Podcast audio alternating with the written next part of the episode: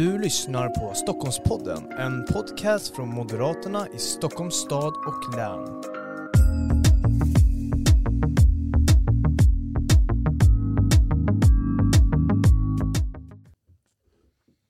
Välkommen till ett nytt avsnitt av Stockholmspodden. Idag ska vi gå igenom valresultatet, varför det egentligen gick som det gick. Hur kommer det sig att Moderaterna minskade i många kommuner och vad kommer Tidöavtalet betyda för framtida val? Vi ska helt enkelt dissekera valresultatet. Jag heter Josefin Wicklund och jag jobbar på förbundskansliet och med mig idag har jag Benjamin Dosa, vd för tankesmedjan Timbro och tidigare förbundsordförande för Moderata ungdomsförbundet. Varmt välkommen. Tack så mycket. Och Per Rosenkrantz som är opinionsanalytiker och tidigare kommunikation och opinionschef på Moderaterna. Varmt välkommen. Tack, tack. Ja, eh, det här valet gick ju bra för Moderaterna i vissa delar och i andra delar mindre bra. Eh, slutligen landade man på 19,07 procent i Stockholms stad i riksdagsvalet, 24 procent i Stockholms län och i hela riket landade man på 19,1 Moderaterna i riksdagsvalet alltså. Förvånades ni över de här siffrorna? Benjamin? Eh, både ja och nej kan man väl säga. Eh, att tittar man på mätningarna veckorna inför valet så på, på, många, på många håll så såg det ut att gå ännu sämre ut för Moderaterna än vad det faktiskt gick. Eh, Moderaterna gör ju också ett väldigt spretigt val som du är inne på Josefin att eh, man ökar ju faktiskt till 200 av Sveriges kommuner. Så majoriteten av Sveriges kommuner går man fram, men man minskar där det bor som flest väljare, bland annat då Stockholms stad och län. Eh, så det är ju en väldigt, eh, det är en svåranalyserad eftervalsanalys givet att det är så himla spretigt. Mm. Vad tycker du Per? Det är samma om man börjar med Moderaterna så var det precis som Benjamin beskrev att um, opinionssiffrorna var ju mycket sämre från början. Men det är märkligt alltså sammanställningar över opinionsmätningar visar att det parti som har underskattats mest i flest val i modern tid är egentligen Moderaterna. Så flera val i rad nu har det ju sett ut så här och med den insikten tror jag har, fanns hos ganska många också att ja vi ligger nog, vi underskattas nog eh, i mätningarna och det gjorde vi även. Eh, och det är lite läskigt framgent då inför nästa val om vi skulle ligga på 18 då kommer man ju tänka att ja, ja då får vi 20 för att det har varit så. Men eh, generellt sett så jag överskattades, under, jag överraskades lite grann och en sak var självklar, de flest största rörelserna skulle ske inom respektive regeringsalternativ och det var det vi såg. S eh, tog väljare från Vänsterpartiet till exempel och eh, det rörde sig väldigt många väljare mellan Moderaterna och Kristdemokraterna och Liberalerna det som var svårt att fånga upp i mätningarna och som kanske överraskade lite, det var ju ändå, vi visste att det skulle kunna finnas ett tapp från Socialdemokraterna till Sverigedemokraterna. Men att det blev så pass stort ändå eh, utanför storstäderna så att det tippade över något mandat där. Mm. Det var nog rätt överraskande för många, särskilt för Socialdemokraterna mm. själv. Trodde ni att Sverigedemokraterna skulle bli det näst största partiet eller Jo, men det fick man väl ganska klart för sig eh, senaste två åren i den förra mandatperioden.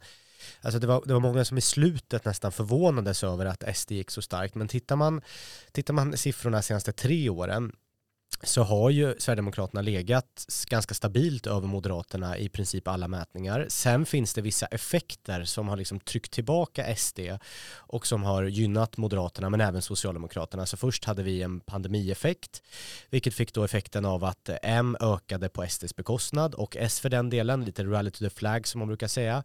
Och samma sätt såg vi sen krigsutbrottet, eh, alltså Rysslands eh, anfallskrig mot Ukraina. Då såg vi exakt samma effekt där S och M gynnades av det.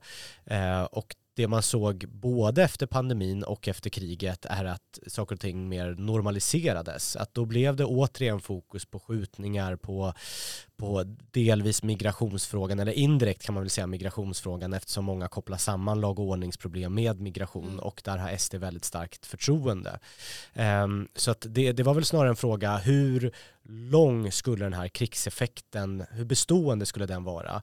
Jag tror att hade valet legat i, i säg maj, juni, då hade mm. nog Moderaterna blivit större och så hade vi nog sett samma effekt direkt efter valet som vi har sett nu. Då kanske till och med S hade vunnit det valet. Men så att eh, SD ligger nog ganska stabilt eh, över Moderaterna. Mm. Socialdemokraterna hade ju det som en stor del av sin valstrategi att liksom bygga på det här att de har tagit ansvar under coronapandemin och eh, kriget i Ukraina och sådär. Tror ni liksom hur stor roll spelade det för Socialdemokraterna? För det är liksom en lyckosam strategi, tror ni? Ja, jag ska bara flika in en sak. En mm. annan grej med Moderaternas siffror det är ju att L låg ju ett tag väldigt dåligt till. Mm. Och egentligen så är det ju så att om L inte hade ökat Liberalerna alltså till 4,7 eh, fick de va, eh, utan legat kvar på 2-3 procent, då hade ju Moderaterna varit större än Sverigedemokraterna. Så egentligen är ju det som händer här är ju en dubbeleffekt att eh, Liberalerna efter, när de byter till Johan Persson eh, och närmare valet, det kanske hade varit så även med Nyamko, det vet vi ju faktiskt inte, så kommer de moderata stödrösterna tillbaka och då minskar Moderaterna och då blir Sverigedemokraterna större. Och det är ju som Benjamin beskriver, man lägger det plus den här utrikespolitiska oron och pandemin på så har ju egentligen kanske varit artificiellt höga siffror för Moderaterna kontra Sverigedemokraterna. Eh, för vi visste ju matematiken, det är ju inte SD som kommer tappa till Liberalerna utan det är Moderaterna. Förlåt, nu tappade jag din fråga Josefin. Nej men det här att eh, Socialdemokraterna körde ju mycket i alla fall på att Magdalena har tagit ansvar mm. för landet. Tror du att liksom det var ett lyckosamt, ja. lyckosam strategi eller liksom det måste man ändå säga att det var alltså så tillvida att de hade ett jättestarkt kort i det här valet och det var Magdalena Andersson eh, och det spelade de väl eh, och de, gör, de ökar också för en socialdemokrati som i Europa och i Sverige har varit haft stora problem och varit på dekis så gör de nu en, en ökning men det de borde ha tänkt på tycker jag det är att ska man vinna val i ett läge där det finns många väljare som var missnöjda med utvecklingen och de undersökningarna hade ju även Socialdemokraterna såklart så borde man försöka adressera den frustrationen och visa på en vilja att göra någonting framåt. Och de hade ju en möjlighet här. Man, vissa säger så här, ja ja det var ju ändå kört för de hade styrt i åtta år, men det är ju inte riktigt sant utan de det var ju en ny regering så att säga eh, som inte hade suttit så länge mm. som bara var socialdemokratisk utan MP-inflytande och så. De, jag tror att de i efterhand nog ångrar att de inte tog mer fasta på den här frustrationen eh, och utöver Anderssons höga förtroendesiffror och att de hade skött kriserna väl också sa att det här ska vi göra framåt. Eh, och det gjorde de ju inte. De ville inte prata sakpolitik och de gömde undan många av sina ledande företrädare för att de hade så låga förtroendesiffror, Morgan, Morgan Johansson och sånt. Så att det var det som, det här sista lilla klivet i valet som angelägenheten att rösta, utan då gick de tillbaka till det här att skrämmas med Sverigedemokraterna. Men mm. de väljare som var mest frustrerade, de är inte rädda för Sverigedemokraterna, Nej. utan de ville se förändring. Mm. Men man kan väl lägga till att hade de inte byggt till Magdalena, hade de inte gjort, byggt upp henne som en liksom presidentkandidat, då hade de ju inte fått över 30 procent. Eh, och sen försökte de ju det, Per är inne på, försökte de göra genom det här, vända på alla stenar och så, men det var ju inte tillräckligt djupt och man, det blev ju för diffust. Vad betyder det i praktiken? Hade de använt de här månaderna till att faktiskt lägga fram skarpa förslag, votering i riksdagen, pang på, nu mm. inför vi det här, första april börjar gälla, då tror jag att man, det blev ju ett väldigt tajt val, då hade man kanske kunnat vinna. Mm. Vi ska gå in lite på eh, siffrorna i Stockholmsregionen, men innan vi gör det så tänkte jag bara knyta an det till det du sa Per först, att eh, Moderaterna blir underskattade i, innan eh, själva valresultatet. Var, varför tror du att det är så, att vi blir underskattade? Det är en jättebra fråga faktiskt. Eh, jag har inget, jag har inget eh, klockrent svar. Det tycks vara så att eh, opinionsmätningar har många förtjänster men de har liksom en tendens att förstärka trenden. Det vill säga mm. om det går bra för Miljöpartiet eller bra för Centerpartiet och dåligt för Liberalerna så blir en opinionsmätning liksom extra effektfull. Mm. liksom, och det kan ju vara för att de väljare man primärt når är personer som är lite mer samhällsintresserade, lite mer rörliga. Mm. Medan det finns en stor grupp väljare som är såna här, de latenta väljare som kommer tillbaka i val och går och röstar. Och de har ju traditionellt funnits mycket hos Socialdemokraterna, mm. Eh, äldre personer i norra Sverige. Men det är uppenbart att Moderaterna också har en grupp sådana väljare som när allt kommer till kritan så går de och röstar och röstar på Moderaterna men de kanske är obenägna att svara på undersökningar eller ja, eller kanske till och med uppger i en mätning att man ska rösta på ett annat parti för att man är arg. Men när man väl röstar så röstar man på Moderaterna. Mm. Så det, det ja, så, så, så, har det, för det är så, flera val i rad nu så mm. har, vi, har, vi, har man underskattats lite och jag vet när den här sifon kom, när det stod 16, jag visste det kommer inte bli 16, Nej. det kommer bli mer. Så att säga. Ja. Eh, på valdagen kom det ju en sån mätning. Så att, eh, ja, det får ja, vi ta med oss som du säger, igen. det blir ju lite farligt också. Man får ju inte liksom få lite mm, överskattat självförtroende liksom när man nästa Nej. val och tänker att äh, vi kommer landa högre liksom. Och en intressant diskussion så här efter valet är ju hur de här dagliga mätningarna påverkade mm. resultatet också. Mm. mm. Alltså att Moderaterna gick ju in i valrörelsen två, tre veckor innan valdagen med liksom katastrofsiffror och liksom eh, det var kri kris i M och rubrikerna, mm. pushnotiserna som bara skickades ut. Och sannolikt så låg ju aldrig Moderaterna någonsin på typ 15-16 procent utan man kanske låg som lägst på säg 17,5.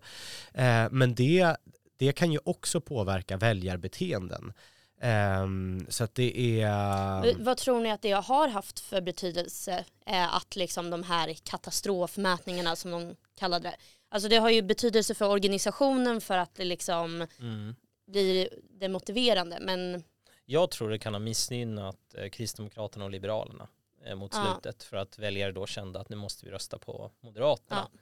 Eh, jag tror också att det kan ha missgyn att det har gynnat Sverigedemokraterna eh, väldigt mycket och till del Socialdemokraterna. Och logiken där är helt enkelt att politik funkar ju mycket så att om man är i vinnarfållan är man i vinnarfållan. Och jag minns när Jimmie Åkesson var med i SVTs stora utfrågning och det första de visar är en daglig siffra från någon tracking. Och då hade han alltså 22 procent eller någonting sånt där. Och när man får det, man går in i en intervju, titta du har 14 procent, vad ska du göra? Mm då är det som, ja då är du en loser. Vad du än säger blir liksom mm. inte bra för det finns inget enkelt svar. Men om man går in med 22 procent så är det som att du har ju redan vunnit. Ja. Eh, och det där gav en otrolig medvind och medkänsla och glädje tror jag för mm. Sverigedemokraternas valrörelse som bidrog. Och såklart, Socialdemokraterna tog ju då chansen för att skrämma borgerliga väljare med SD genom att säga att SD kommer sitta i regeringen, det är Jimmy Åkesson som kommer styra, ska vi till och med inte ens ha en partiledarduell mot Ulf Kristersson utan mm. mot Jimmy Åkesson, vilket Magdalena Andersson aldrig såklart skulle ha eftersom hon skulle inte vinna den duellen. eh, så, men så det blev ju ett sånt spel, konflikten mm. i valet blev inte Moderaterna mot Sverigedemok Socialdemokraterna utan Sverigedemokraterna mot Socialdemokraterna och det missgynnade ju då Moderaterna. Mm. Så att allt som allt så tror jag de här mätningarna var, var dåliga för valrörelsen liksom rent eh, väljarna. Att det handlade mindre om sakpolitik och så. Men det var mm. också dåligt för Moderaterna. Mm. Ja, vi ska gå in på lite siffror i Stockholmsregionen. Börja med Stockholms stad där Moderaterna inte gjorde ett jättebra val och framförallt att vi tappade det här starka fästet som vi har haft i Stockholm och Socialdemokraterna ökade mycket och sånt där. Vad tror ni det beror på? Det är väl miljonfrågan ja.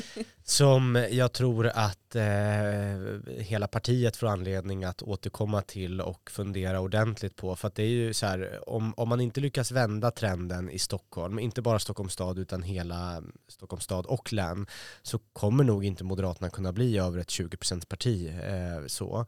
Det är ju sämsta valresultatet på 50 år, eh, inte ett jättebra eh, resultat, det är nog en, en underdrift. Eh, så om man ska vara helt krass. Eh, Stockholm har ju i, i modern tid alltid legat över rikssnittet och bidragit. Jag menar, tittar man 2006-2010 då var nästan var tredje väljare för Moderaterna eh, från, från Stockholms stad eller län. Jag, jag, tror att det finns en del, om man tänker så här push och pull-faktorer, alltså det finns push-faktorer som tryckte bort väljare från Moderaterna. Alltså SD-frågan är mycket känsligare i Stockholm och urbana miljöer än i andra delar. Eh, vi vet också att, vad ska man säga, plånboksfrågor eh, spelar min, relativt mindre roll i förhållande till värderingsfrågor. Alltså man identifierar mm. sig som progressiv liberal snarare och röstar utifrån det, medmänsklighet snarare än vad, vad kommer ett nytt jobbskattavdrag påverka mig här och nu. Eh, och det kan man se i flera europeiska urbana miljöer också. Så att på det sättet är väl Stockholm en del av en europeisk västerländsk eh, trend. Eh, så samtidigt så har det funnits då faktorer som har liksom tryckt bort M-väljare. Det uppfattas som repressivt, lite SD lightigt att rösta på M samtidigt som det har funnits för få och kanske ingen pullfaktor, alltså skäl att ändå rösta på Moderaterna. Mm. Alltså konfliktlinjerna mot S till exempel har varit eh, lite otydliga. Jag tror att ganska få eh, valarbetare i, i Stockholms stad visste i ärlighetens namn vad Moderaterna gick till val på.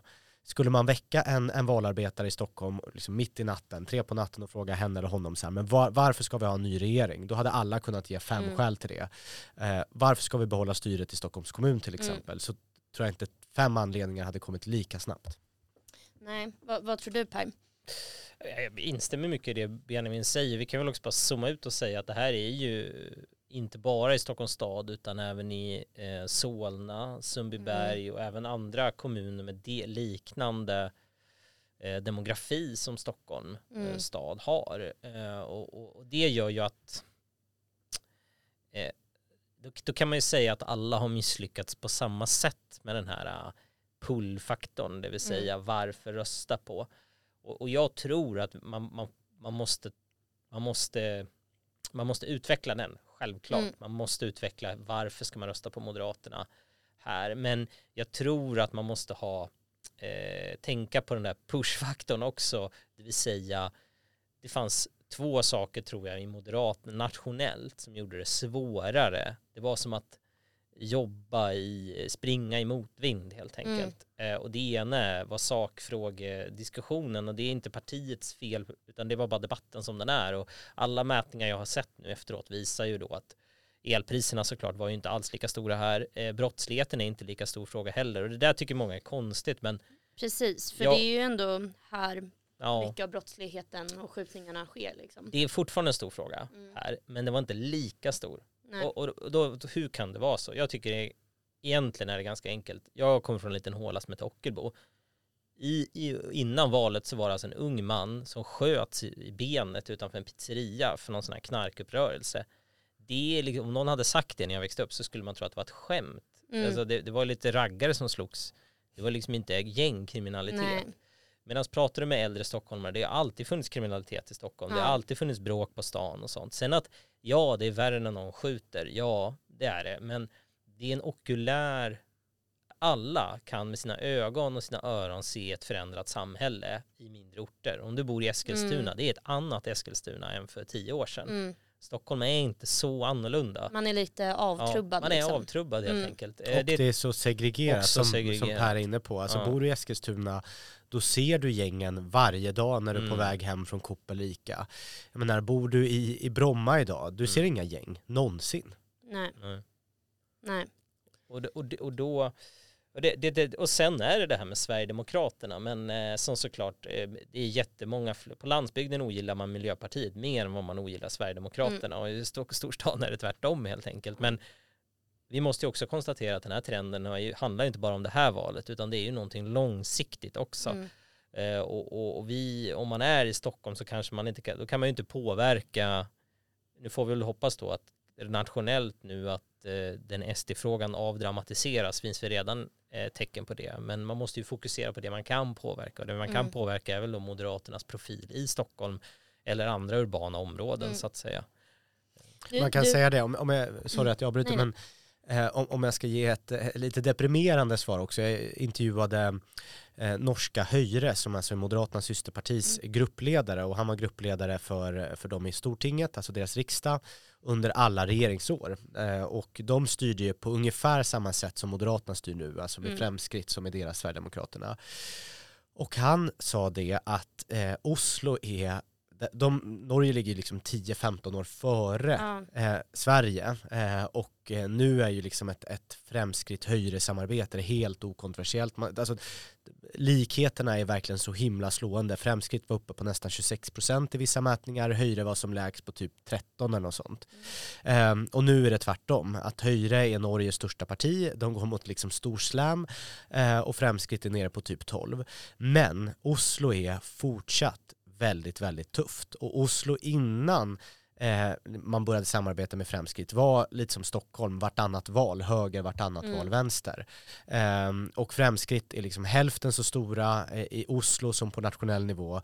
Eh, högre har de är, fort, de är starkare än Moderaterna i Stockholm just nu, men det är, de har ju lokala och regionala val där nästa år. Eh, så att de, de kommer liksom vinna massa, massa motsvarigheter då till kommuner och regioner, men det kommer vara en jättetajt match i Oslo. Mm. Så att det, eh, den här frågan kan ju vara rätt bestående. Men du pratar om att i Stockholm att det inte fanns liksom lika tillräckligt tydliga konfliktytor. Men man pratade ju liksom mycket om eh, att det inte ska vara dyrt att vara svensk som en konfliktyta på nationell nivå. Frågan om kärnkraft, frågan om brottslighet och sånt där. Vad skulle kunna vara en tydligare konfliktyta i Stockholm eh, mellan Moderaterna och Socialdemokraterna om inte liksom de här frågorna? För att liksom, ja, få med den här liksom identiteten snarare än liksom sakfrågorna i sig. Kan bara flika in där, jag tror att eh, det är intressant att se S, Socialdemokraterna också, vad de har gjort. Det är ju, ingen kan ju påstå att, det är att de har varit tydliga i stadshuset med sin politik och att det är det mm. som kan ha lockat väljare att rösta på dem.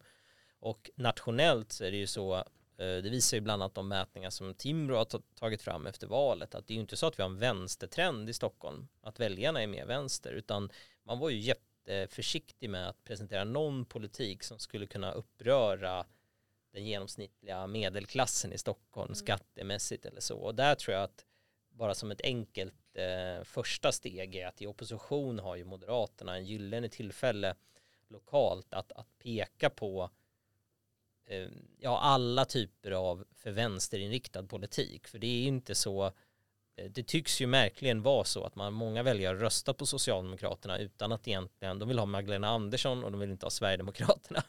Men de vill inte ha Vänsterpartiet och Socialdemokraternas politik i allt från skola mm. till ekonomi och där har man ju till, nu måste de ju visa korten här och eh, det, det tror jag är en, en sån första insikt man måste ha med sig. Det är inte så att Vänsterpartiets partiprogram i, i sig är populärt i Stockholms mm. stad.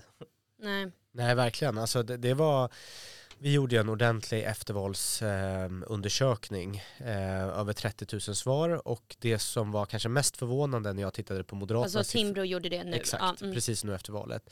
Och det som var nog mest förvånande var, för Stockholms siffror kopplat till Moderaterna var, var just det Per är inne på, att det inte är en ideologisk vänstervåg. Mm. Det är inte så att det går runt 30% av stockholmarna som identifierar sig som socialister. Tvärtom, andelen som identifierar sig som socialdemokrater och socialister är ungefär på samma nivå, kanske något lägre än i resten av landet. Mm. Eh, och des, den stora skillnaden är att i Stockholm är det många, många fler som identifierar sig som liberaler. Så över hälften av alla stockholmare identifierar sig som antingen liberaler, ungefär 30%, eller konservativa, ungefär 20%. Eh, så det som har hänt är ju att det är massa liberaler som har röstat vänster. Ja. Um, och vad, vad, till din fråga då, vad kan man då öka den konfliktytan? Ja, om man tittar då, det Per är inne på, var har S försökt stänga sina konfliktytor? Är det ju helt uppenbart kopplat till den ekonomiska politiken. Alltså Mikael Damberg var den enda företrädaren i Dagens Industri som inte ville säga vad, vad ja. liksom sitt, eget parti gick till val på. Man kunde veta exakt vad liksom Vänsterpartiet och MP och L tyckte i, i olika skattefrågor. Damberg var liksom, lämnar inga besked i en enda fråga. Mm. Så det är uppenbart att S har varit väldigt nervösa att, att skrämma iväg urbana, kanske mitten, mitten högerväljare relativt goda inkomster eh, från, från sitt eget läger. Så att, eh, vad, vad, borde man göra från högerhåll då? Jo, det är att öka konfliktlinjen i den typen av frågor. Man försökte ju med typ fastighetsskatten, mm. men där, den, den konfliktlinjen stängde ju S eh, liksom flera gånger och liksom verkligen, de ska väl till och med in i sitt valmanifest att så här, det finns under inga omständigheter ja. någonstans, när som helst kommer vi införa fastighetsskatten. Vilket i och för sig visar på att kampanjen liksom lyckades. De blev mm. ordentligt nervösa av det här. Men att ha fler sådana konfliktytor i den ekonomiska politiken tror jag hade varit väldigt viktigt. Ehm, och där kan man ju, jag gick igenom Alliansens valmanifest 06 och jämförde det med Moderaternas valmanifest det här valet. Och där var det ju väldigt, väldigt tydligt. Du visste i kronor hur mycket mer i sänkt skatt du skulle få om ja. det blev ett maktskifte. Eh, Moderaternas skattesänkningar var ju utspridda på typ fem sex olika skattesänkningar. Alltså det var lite ISK, det var lite drivmedel, det var lite energi, det var lite, lite pension, eh, något, någon form av jobbskattavdrag. Eh, men jag tror få väljare eh, visste, okej, okay, men om det blir maktskifte då får jag en tusenlapp mer eller jag får 500 kronor mer. Mm. Eh, och det då kombinerat med den ekonomiska utvecklingen som Sverige går in i kombinerat med att alltså, hushållen har aldrig i modern tid varit så deppiga som Mm. de är nu. Eh, folk är jättenervösa över de höjda räntorna, elpriserna. Det påverkar såklart Stockholm också. Eh, så att hade man känt i magen, oj, jag kan få lite andrum av en mer borgerlig ekonomisk politik, tror jag att det hade kunnat gynna M i, i Stockholm. Mm.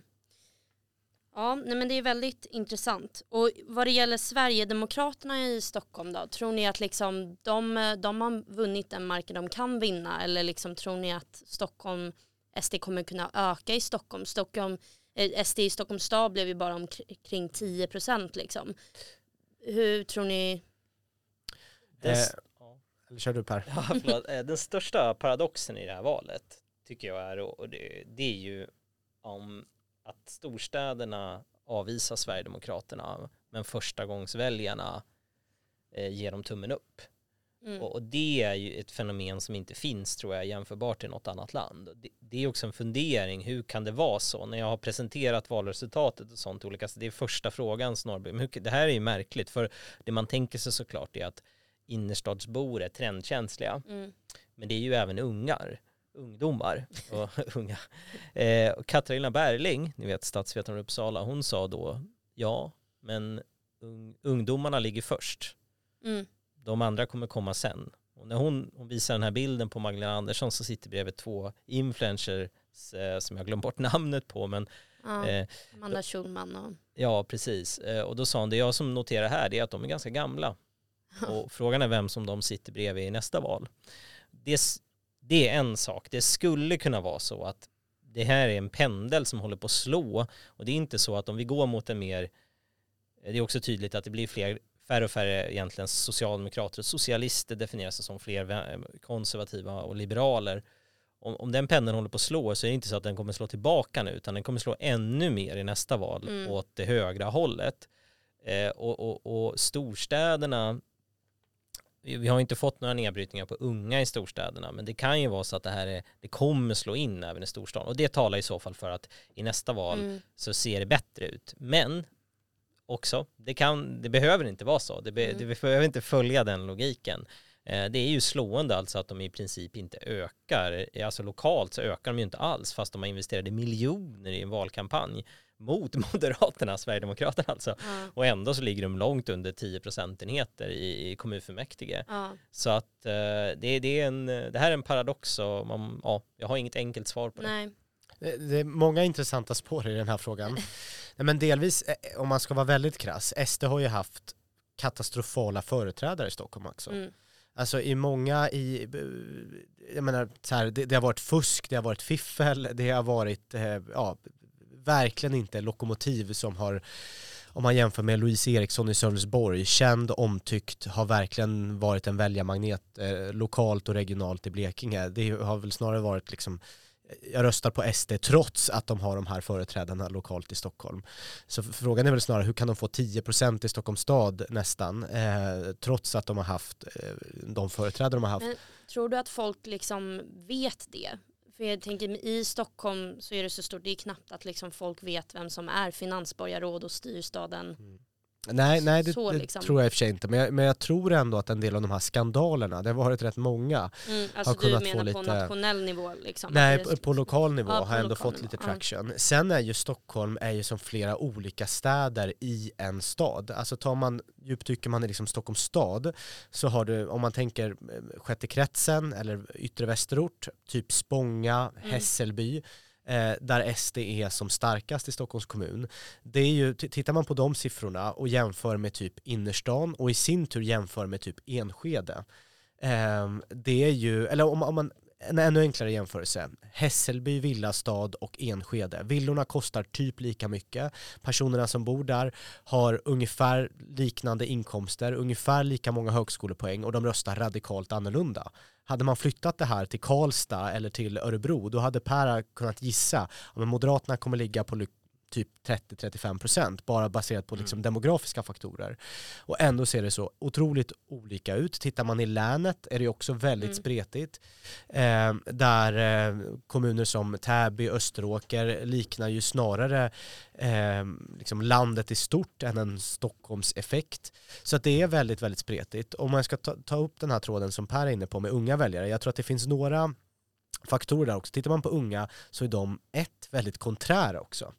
Eh, unga eh, positionerar sig nästan alltid mot regeringen. Gå tillbaka Mm. typ 2010, 2014, då ser det nästan ut som en vänstervåg bland unga väljare. Det är för att de var skeptiska då till alliansregeringen. Så att unga är i sin natur, verkar i Sverige i alla fall vara konträra. Så att det ska bli väldigt intressant nu att se kommande ett, två, tre år om den här ungdomstrenden håller i sig eller om det bara är liksom en anti-etablissemangstrend vi har sett.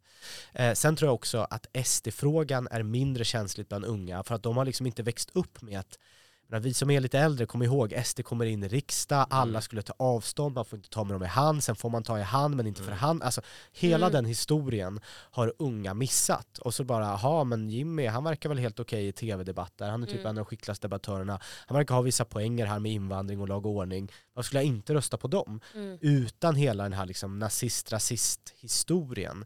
Eh, och så har man tre kompisar som dessutom röstar på SD som inte är rasister. Så det, det tror jag är liksom två faktorer.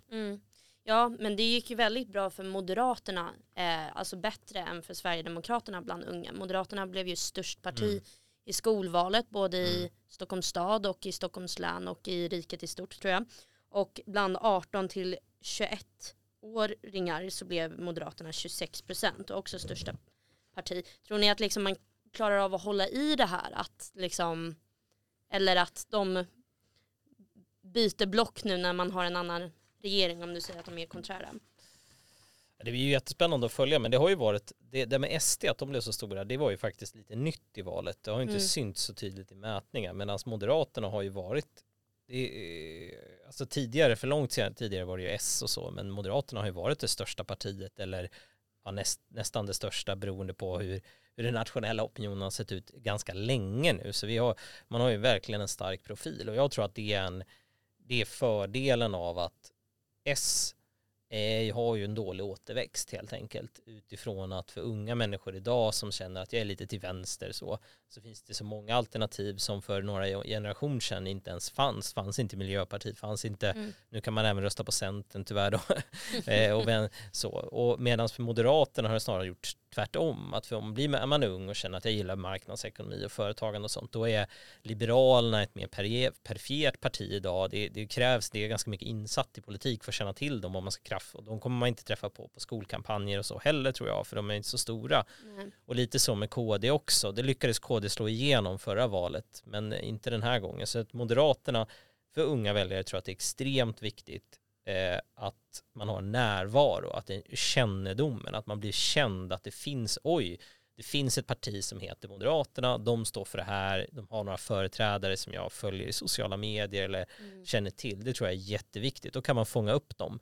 Eh, Och där ska man säga en sak att valforskningen i Sverige visar ju att även om ungefär 50% av väljarkåren byter parti så är det ungefär hälften som väljer ett parti och det längsta man kan studera partival i forskningsmässigt är ungefär tre val men de röstar på samma parti alla tre val och då kallar man dem för ja, de, har, de är enpartiväljare, de har Mm. ett parti och det kommer de kanske ha nästan hela livet och därför är det så extremt viktigt att få in en rutin att rösta på Moderaterna bland de här unga. Ja. Så det, det borgar för en positivare framtid för partiet och en negativare framtid för Socialdemokraterna att de har så få unga väljare för det är svårare att få en person mitt i livet att byta parti. Ja. Vad, vad tror du Benjamin? Hur man ska kunna behålla de här? Mm, Nej, men tittar man på Stockholm, både stad och län, så är det glädjande ändå att på många skolor så går man väldigt starkt framåt. Eh, och skolor där man historiskt, eller åtminstone de senaste två valen, har ändå tappat en hel del till bland annat Centern. Alltså då tänker jag på skolor som Viktor Rydberg, Norra Real, den typen av skolor går Moderaterna nu väldigt starkt. Ehm, men, men det är klart att, att fortsätta förvalta det, att Moderata ungdomsförbundet har liksom en stark kampanjapparat. Jag tror mycket på det Per är inne på, att, att synas, att finnas på skolor. Alltså att är man forskningen visar väldigt tydligt på att det finns vid två tillfällen man, man skapar sig en politisk bild, att man får sina värderingar. Det är någonstans vid sitt uppvaknande, man är kanske 15-16, mm. det är då många går med i MUF också. Och så är, har man en omvärderingsperiod när man är typ 20-21 och går på universitet kanske. Eh, de värderingarna är sen kvar i princip resten av livet. Man kan ändra åsikter, ta som migrationsfrågan 2015, många ändrade sig då, men värderingen i grund och mm. botten är kvar. Um, och där tror jag många personer, många unga, när de är 15 börjar landa så här, men jag är lite mer höger än vänster eller jag är lite mer vänster än höger. Att då MUF finns på de skolorna, syns, pratar med elever, det tror jag är helt avgörande. För man kan lika gärna falla in och bli någonting annat ifall det är de som möter upp. Mm. Jag tänker miljö och klimatfrågan är ju väldigt viktig. Jag tror att nästan 49 procent om man kollar i Stockholmsregionen tycker att miljö och klimatfrågan är den viktigaste frågan bland unga 18 till 29-åringar tror jag. Är det liksom, bör man ta fasta på det? Tror du att det kommer ändras senare i livet? Att man kanske liksom köper bostad, man skaffar barn, att miljö och klimatfrågan liksom inte blir lika viktig längre eller kommer det fortsätta vara liksom för den generationen även när de blir äldre?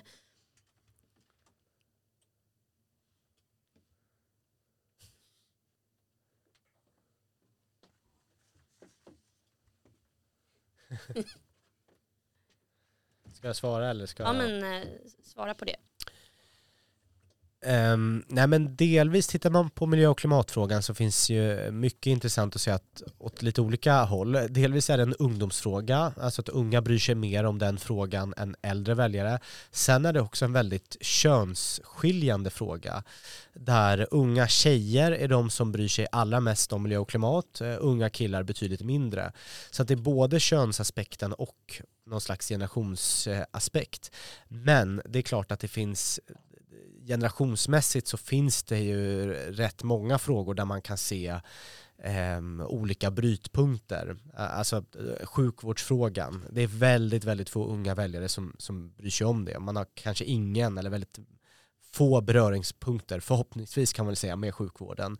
Medan när man börjar fylla 50-60 eh, bryr man sig betydligt mer om sjukvårdspolitiken. Mm. Um, och det är klart att miljö och klimat kan vara en sån fråga. Inte så att man struntar och, eller slutar bry sig om det, men det finns, som du är inne på, andra frågor som blir än mer akuta. Mm. Um, så det tror jag. Men med det sagt så tror jag att miljö och klimat är här för att stanna. Det är inte så att om tio år så kommer vi överhuvudtaget inte behöva bry oss om det utan det, är liksom, det behöver vara en del av ett moderat paket mm. eh, för överskådlig framtid. Det som är väldigt intressant är när jag träffar tanke, tankesmedjechefer från andra länder så är de så fascinerade över så här, men hur kommer det sig, Sverige är typ först i kurvan när det kommer till miljö och klimat och så här, jämställdhetsfrågor. Eh, Miljöpartiet, ett av de partier som kom in i det svenska parlamentet först av alla gröna partier i hela västvärlden. Hur kommer det sig att de är så himla små? Ja. Ni bryr er så himla mycket och ni har gjort det så himla länge, ändå är Miljöpartiet så små. Eh, och det tror jag beror på att miljö och klimat har ju nu blivit en så viktig fråga för så många och så, så djup fråga. Det räcker inte med att bara säga så här, men jag bryr mig om miljö och klimat och så, räck, och så får man liksom mm. 10% av svenska folkets förtroende. Utan den är tekniskt ganska komplicerad. Mm. Eh, du måste, så det, det, är väl också ett medskick att ska man lyckas som moderat i de här frågorna måste man verkligen bottna i det. Det räcker inte med att ta en debatt och säga jag bryr mig, utan folk kommer vilja veta hur, när och, och, och på vilket sätt är det här ja. tekniskt genomförbart. Mm. Det, det, är ju så, det, det, visar väl en klassisk moderat eftervalsanalys är ju alltid att vi måste bli bättre i några sakfrågor som vi är svagare i. Mm. Och, men vi, ser man nu valkarlsundersökningen så ökade vi i några frågor. Eh, inte så många, vi har lite sakfrågeproblem ska man säga faktiskt. Att SD tar ganska mycket konkurrens från många sakfrågor. Men eh, vi ökade ju bland annat då i klimat och miljö. Vi var ju fjärde bästa, nu är vi näst bästa då enligt de flesta eftervalsanalysmätningar jag har sett, inklusive valkarlsundersökningen. Och vi har också ökat då i energifrågan. Sen det stora där är väl att den har ökat i betydelse. Mm. Eh, ja, så, så, får vi se om det, det är ju svårt. Det är svårt det där eh, med när man har eh, när man är i opposition så har man ju en annan möjlighet att fritt välja hur man ska positionera sig. Eh, när man blir ett regeringsparti som Moderaterna är nu så kommer det ju avgöras lite grann faktiskt av vilka roller som har intagits. Mm. Så, eh, om man ska vara krass, om man någon säger så här, ja, Moderaterna borde profilera sig i skolfrågan, vilket är helt uppenbart om man tittar på behovet, tycker jag. Det är också någonting som skulle kunna vara lokalt nedtagbart. Mm. Att bygga kärnkraft är inte så lätt att liksom göra till en kommun, kommunfråga om man Nej. inte råkar vara Oskarshamn. Eh, och då tror jag, ja, men nu har vi ju inte den ministerposten. Eh, så att eh, hur ska vi då göra? Vi ska utveckla det från riksdagen. Det, det måste vi göra. Samtidigt kan vi ju inte få media genom att kritisera regeringen som vi själva ingår i. Eh, nu identifierar jag ett problem här, men det är en utmaning. Sjukvård, skola, klimat, energi. De portföljerna har inte Moderaterna. Mm. Ja, men då måste vi utveckla den politiken på något sätt. Det kan drivas lokalt ifrån, det kan drivas från riksdagen, det kan drivas på något annat sätt. Och, eh, eller hur Benjamin? Vi, vi, annars blir ju profilen precis den samma mm. profil som vi såg nu i valet. Och, och, den profilen är ju jättebra och, och vi vann några frågor som gav oss regeringsmakten men vi är för små. Mm. Och tittar man på, utan att kritisera, men eh, slagsidan i portföljerna som Moderaterna fått är ju väldigt tuffa med stort säkerhetsfokus. Alltså mm. det är utrikes, försvar, justitiefrågor. Det är såklart att det ska vara Moderaternas DNA, eh, men det är i övrigt svårt att göra liksom inbrytningar till nya väljargrupper. Ja. De som tycker lag och ordning eller försvarspolitik är den enskilt viktigaste frågan. De röstar sannolikt redan idag på Moderaterna. Mm. Ja, jag tänkte att vi skulle avrunda lite, men innan vi gör det så tänkte jag bara köra en liten sån här two stars and a wish från er eh, som ni tar med er från valrörelsen. Två saker ni tyckte var bra och en sak som ni verkligen liksom tycker man borde gjort annorlunda. Per, vill du börja? Två saker som var jättebra, det tycker jag var att eh, man prioriterade i den här valrörelsen. Man vågade säga att det är de här frågorna vi ska rikta in oss på och det är det vi ska göra. Eh, och, och, då nådde man fram med sina budskap på ett annat sätt. Det tyckte jag var jättebra. Eh, det andra jag tyckte var bra var att man hade en strategi som till del var lite kostsam och det var huvudmålet var ju att bilda regering. Eh, och det var inte kanske att maximera Moderaternas siffror. Till exempel ett sådant slutsats leder till att vi kritiserar kanske inte Sverigedemokraterna mot slutet för fokus ska vara på att byta regering, inte internt liksom bråk under regeringsunderlaget och det tycker jag var det är så här kostsamma strategiska beslut som är lätta att säga men svåra att genomföra och det tyckte jag partiet lyckades bra med. Man hade liksom en tanke om hur man skulle bilda regering och man vågade prioritera sakfrågorna. Medskick. Eh, jag läste en jätteintressant intervju i veckans brief som är en sån här lite kommunikationsnyhetsbrev kan man säga eh, med S kommunikationschef och SDs kommunikationschef. Och då intervjuar de då Wallenstein som han heter SDs som har varit under alla år. Och det är bara att säga de har alltså ökat i fem val i rad så att någonting mm. kan han. Eh, och han sa vad tyckte du om valet? Och då sa han det var som vanligt eh, Socialdemokraterna och Sverigedemokraterna pratade känslor och Moderaterna pratade om vad de skulle göra. Ja och, och, det är jättebra att vi pratar om vad vi ska göra och det är jättebra att det belönas i Moderaterna att kunna allt om sitt ämne och skriva jättelånga PM. Eh, men det bästa är ibland en svaghet. Det är liksom när den bra egenskapen hos en själv slår över för mycket så kan det bli en nackdel. Mm. Det är någonting här i att andra partier är bättre på att kommunicera känslor kring mm. politiken och förändring som saknas lite hos Moderaterna. Det går emot vårat sätt att vara. Vi söker lösningen i sakfrågan och i faktan. Men titta på Socialdemokraterna. I den senaste trackingen jag såg nu i oktober, då äger de inte en enda sakfråga som är i topp fem hos väljarna. Och de är ändå Sveriges största parti. De hade 33 tror jag nu i den senaste mätningen. Det finns någonting mer i politik eh, och där är S och SD bättre än oss. Eh, och jag har inget enkelt svar där men eh, någonting måste till i nästa valrörelse på det temat tror jag. Mm. Ja, intressant. Mm, mina två bra är väl Ulfs eh, slutspurt, eh, alltså slutdebatterna som han vann varenda en, både i de egna duellerna mot Magdalena och när det var partiledardebatter. Eh, givet valresultatet och att det blev väldigt, väldigt tajt i volym så tror jag att det är, jag menar, det, det är väl, det här kan Per bättre, det är väl typ en femtedel av väljarna som bestämmer sig sista två veckorna eller något sånt.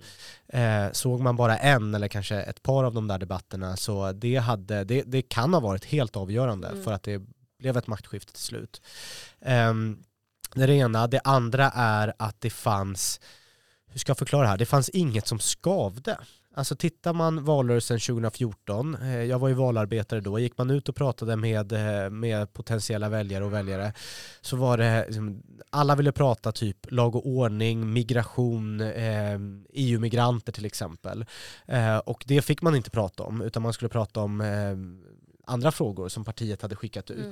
Mm. Valrörelsen 2018, liksom regeringsfrågan eh, så här, skavde också. Det var alltid, de senaste två valen har alltid varit något som har, som har skavt, som Moderaterna inte har kunnat svara på.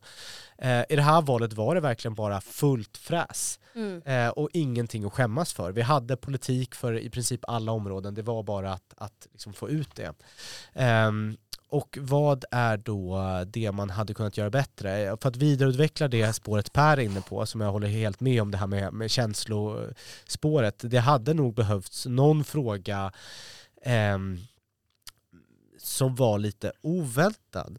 Alltså det hade kunnat vara skol ett skolutbildningspaket, alltså ska man då prata om integration och, och justitiefrågor, det blir ofta ganska tufft och då hade man kunnat liksom, det hade kunnat balansera paketet eh, om man också sa, ja men ni som faktiskt sköter er, ni som mm. väljer bort kriminalitet, eh, ni går ju idag på, på, på kaosskolor som är väldigt stökiga, men vi ska, vi ska lösa det mm. genom XYZ. Eh, så att jag tror att paketet Moderaterna, inte minst i Stockholm, hade kunnat bli eh, få en fräschare, mjukare framtoning om man mm. hade valt en eller ett par sådana frågor som balanserade upp allt. Mm. Bara snabb fråga till er båda. Eh, det här med att man pratar så mycket kriminalitet och otrygghet och så, tror ni att det liksom gynnade Moderaterna eller att man möjligen sköt över ännu fler väljare till Sverigedemokraterna i och med att liksom man pratade om att det är så många skjutningar och sånt där och att det blev snarare en effekt att man som väljare kanske tänkte nej nu får det vara nog, nu går jag till det mest liksom, extrema som finns, alltså SD som liksom tar tuffast tag. Eller tror ni att liksom, Moderaterna gagnades av att vi pratade så mycket otrygghet. Ja, jag tror att oavsett vad Moderaterna hade gjort så under valrörelsen från egentligen eh, mitten på augusti där, slutet på augusti där, eh, skotten och mordet där inne på Emporia i Malmö så var det ju i princip varje dag en, en flash i telefonen mm. hos alla väljare om en ny dödsskjutning. Det var ju helt otroligt och det ja. tror jag bidrog till att SD blev näst största parti. Eh, jag, som jag eh, har sett en genomgång av alla Moderaternas utspel, som jag förstod, förstår det så är det så att mot slutet faktiskt så fokuserar man mycket mer på elpriset. Mm. Eh, just för att man kände att det här poängen med lag och ordning så att säga, den har gått hem. Men ska vi vinna eh, mot slutet nu så måste vi trycka det här mot plånboksfrågan eh, för väljarna. Mm. Eh, och, och, och, det tror jag var väldigt klokt. För jag tror precis som du säger att ska man förstå Sverigedemokraternas eh, val här så är det ju den koppling mellan misslyckad migration och integration och våldsbrott som väljarna ser. Ja.